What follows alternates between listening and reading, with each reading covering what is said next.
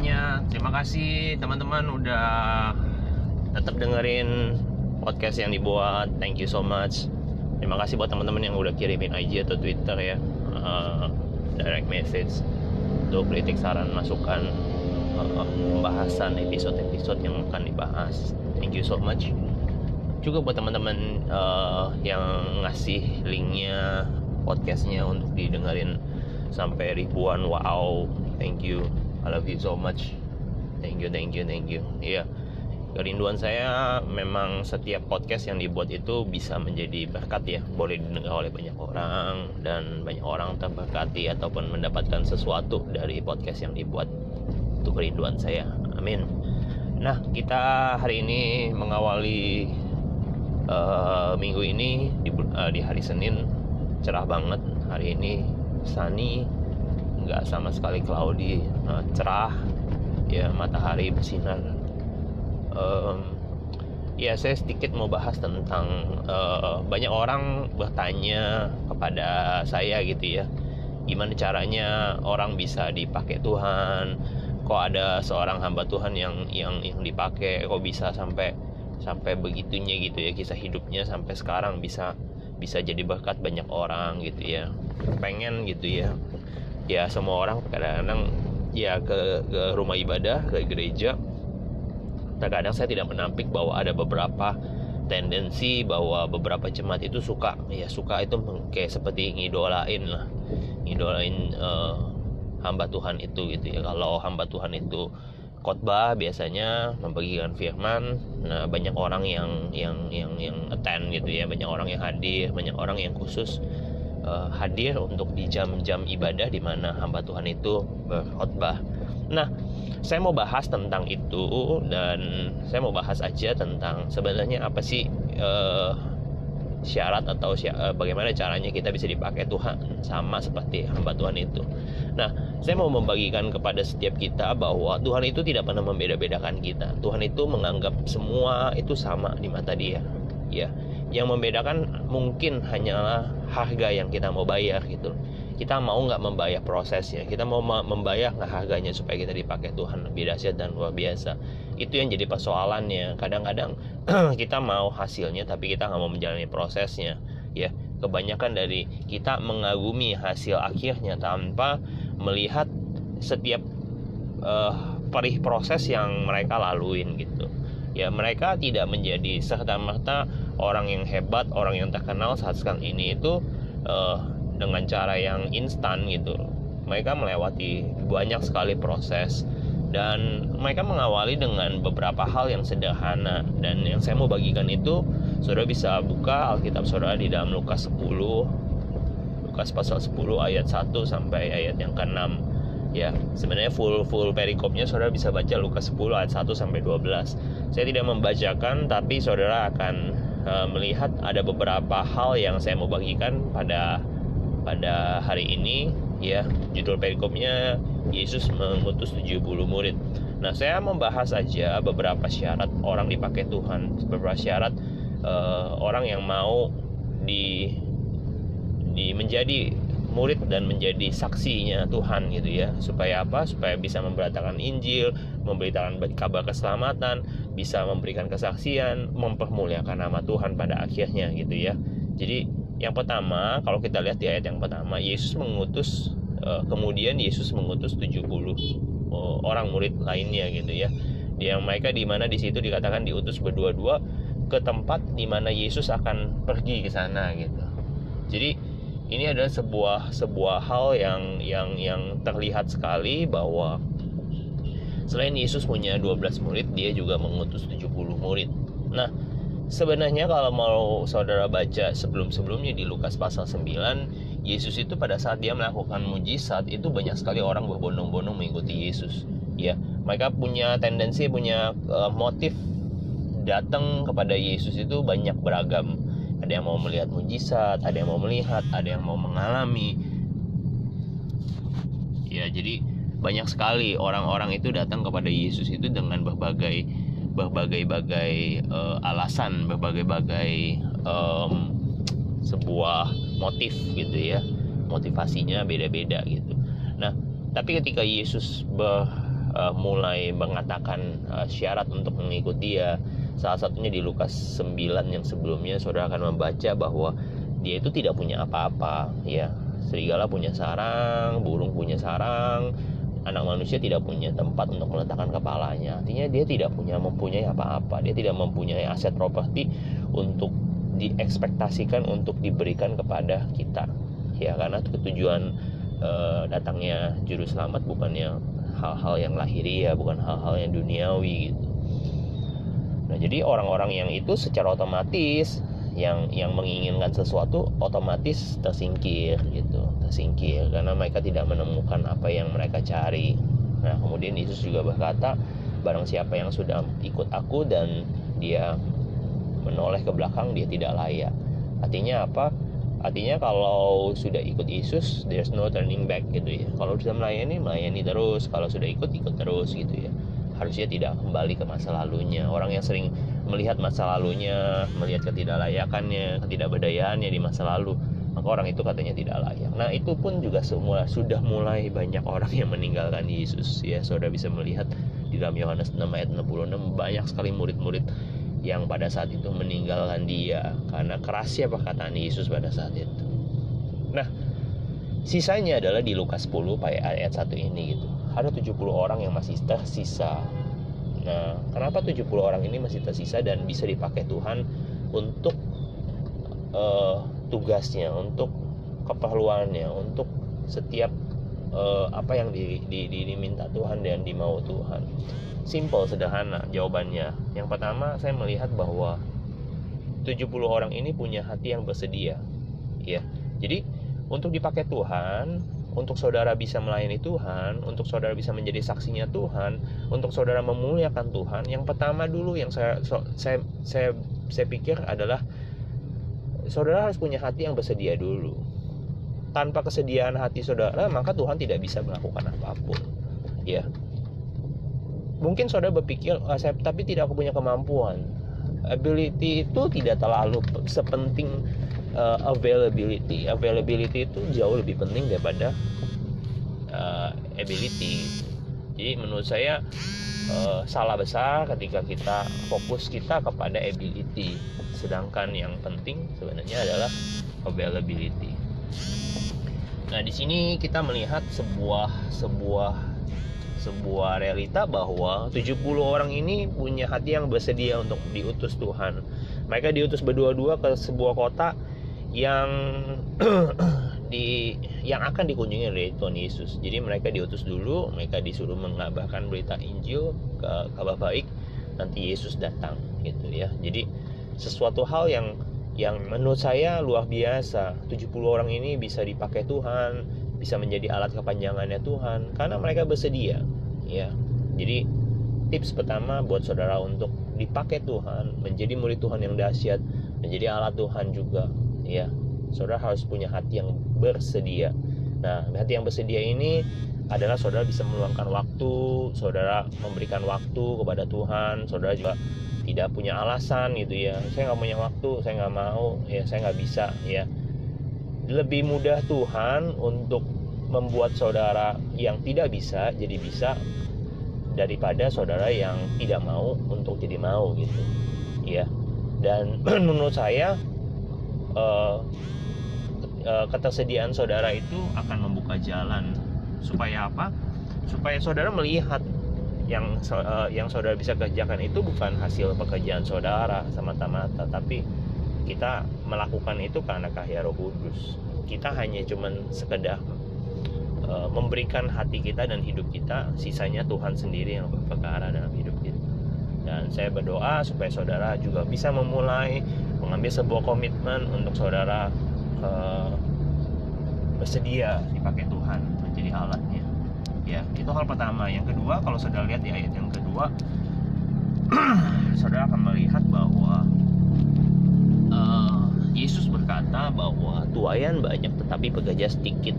Ya dia berkata kepada murid-muridnya banyak sekali hal-hal yang dia mau kerjakan. Tuayan tuh banyak banget. Ya jadi jangan berkata bahwa uh, gereja itu harus bersaing, gereja itu harus ngumpul di satu tempat. Ada bahkan ada saya saya dengar bahwa ada satu satu hamba Tuhan tengkar sama hamba Tuhan. Karena kenapa?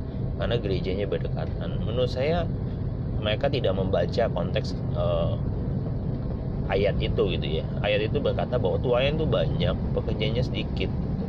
Jadi saudara nggak perlu nggak perlu ribut soal tuayan gitu ya. Di mana mana kita bisa menuai kok ya nggak perlu rebutan lahan lah orang bilang gitu ya jangan di gereja itu seperti Indomaret dan Alfamart gitu ya jadi saingan gitu kita ini adalah sama-sama agen kerajaan Tuhan jadi eh, sangat dulu sekali ketika kita berkelahi untuk sesuatu hal yang menurut kita tuh tidak penting ya untuk hal-hal seperti itu. Nah kembali ke konteks uh, Yesus berkata tuayan banyak tetapi pekerja sedikit. Nah ini berbicara apa tentang uh, sebuah syarat mengikut Yesus, sebuah syarat dipakai Yesus, sebuah syarat untuk menjadi hamba Tuhan yang dipakai Tuhan. Yang kedua ini adalah hati yang penuh belas kasihan, ya, compassion. Nah ini ada sebuah syarat yang penting ketika orang mau melayani Tuhan. Memang mungkin awalnya diawali cuman sebuah hal yang kecil, sebuah hal yang sederhana yaitu ketersediaan hati. Hati yang bersedia untuk dipakai Tuhan.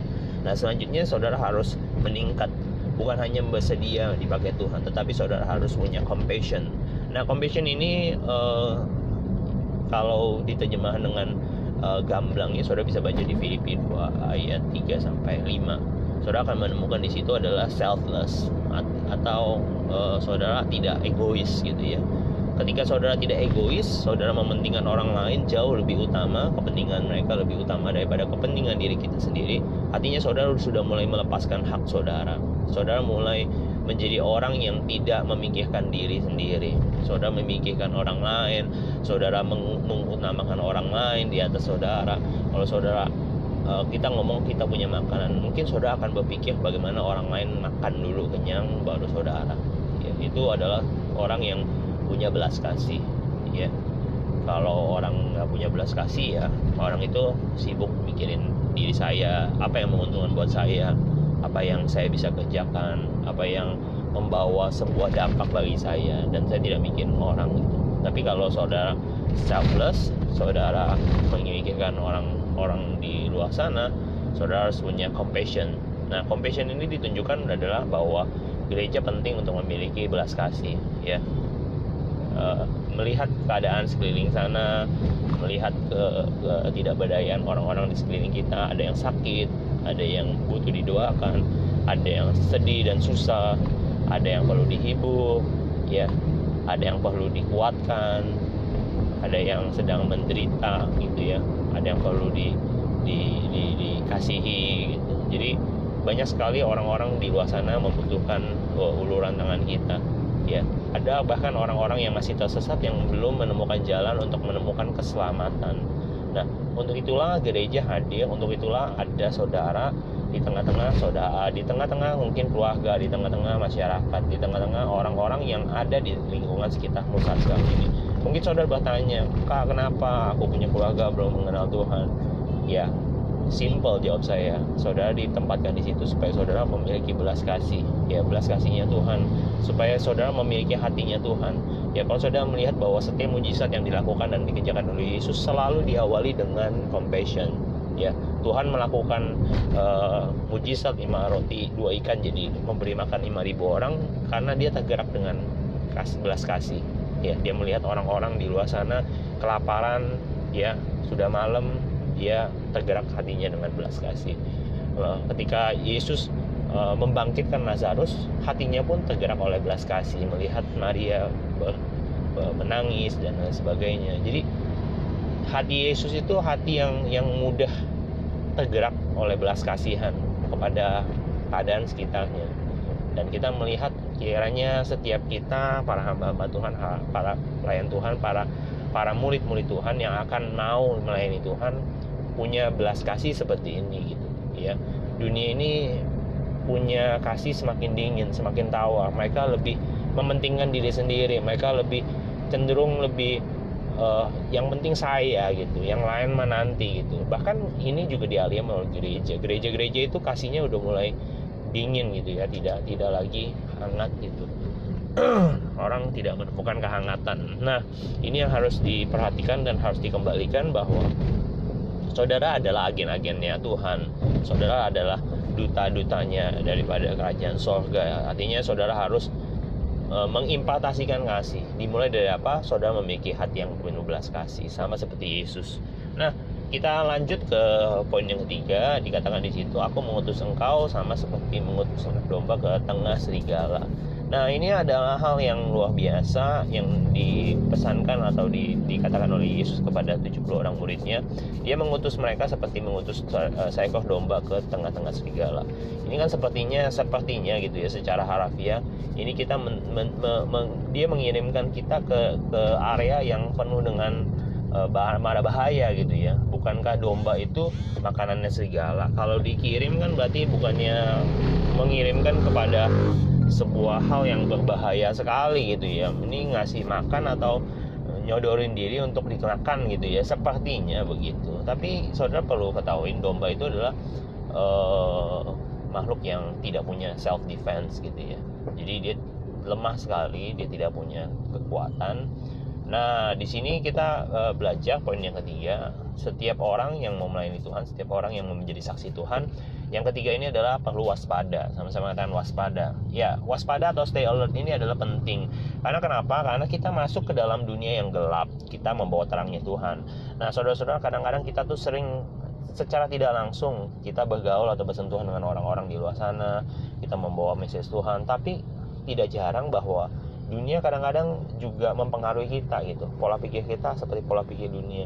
Kita mungkin masuk dengan pola pikirnya Tuhan tetapi ketika kita melihat komunitas di, di sekeliling kita kebanyakan seperti ini. Nah saudara jangan sampai saudara malah yang terkontaminasi gitu. Bukan saudara yang mengkamirkan malah saudara terkamirkan gitu ya.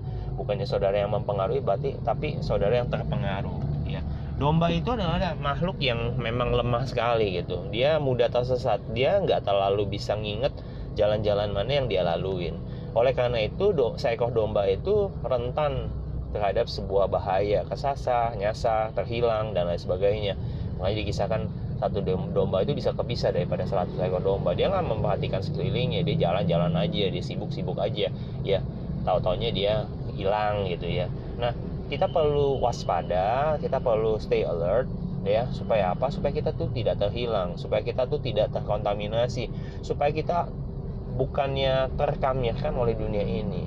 Banyak orang-orang Kristen menjadi orang-orang yang biasa kembali kepada rutinitas biasa karena orang-orang itu menganggap bahwa itu biasa yang dunia lakukan mereka menstandarkan dengan dunia padahal Yesus berkata janganlah kamu menjadi serupa dengan dunia ini tetapi berubahlah menurut pembaruan akal budimu jadi Yesus sendiri berkata bahwa kita perlu bertransformasi kita perlu change kita perlu berubah.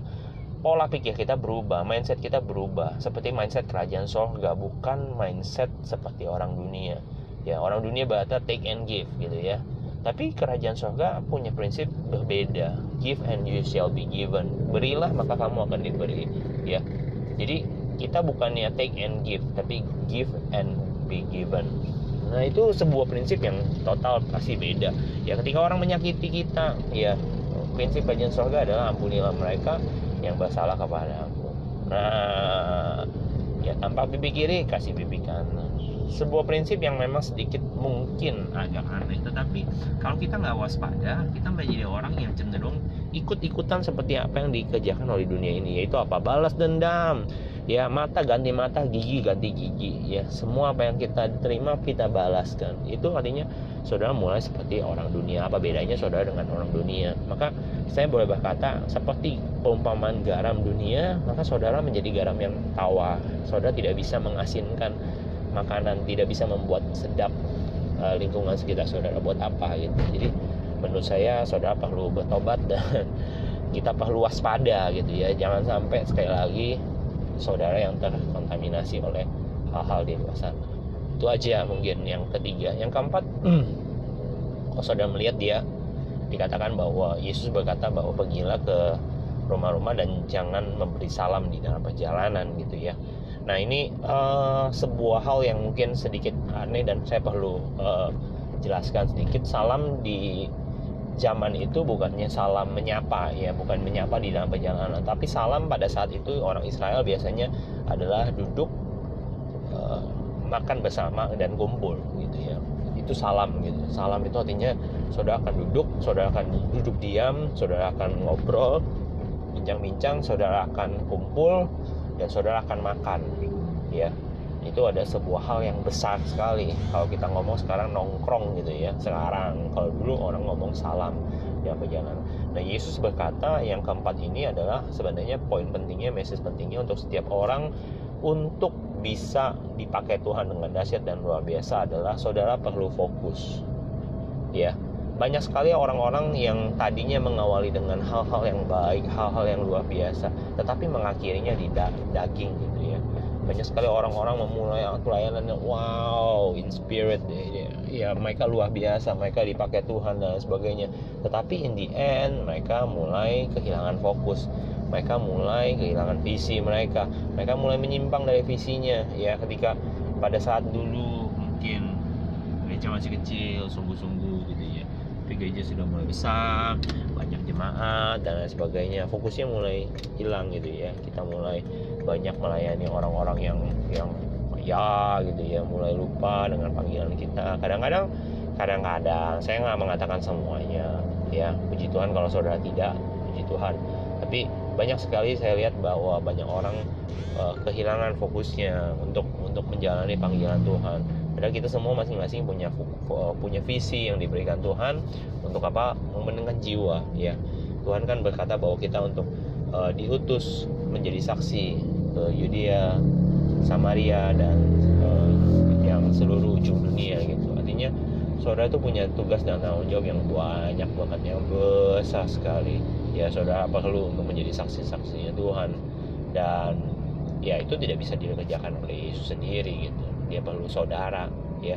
Jadi saya pikir saudara perlu fokus ya di tahun 2018 mungkin ini sebentar lah nggak, nggak apa lagi kita akan tinggalkan uh, mungkin banyak sekali hal-hal yang mungkin miss out yang mungkin kita nggak raih nggak capai nggak terlaksana. Tapi jangan berkecil hati set your goals towards 2019 ya.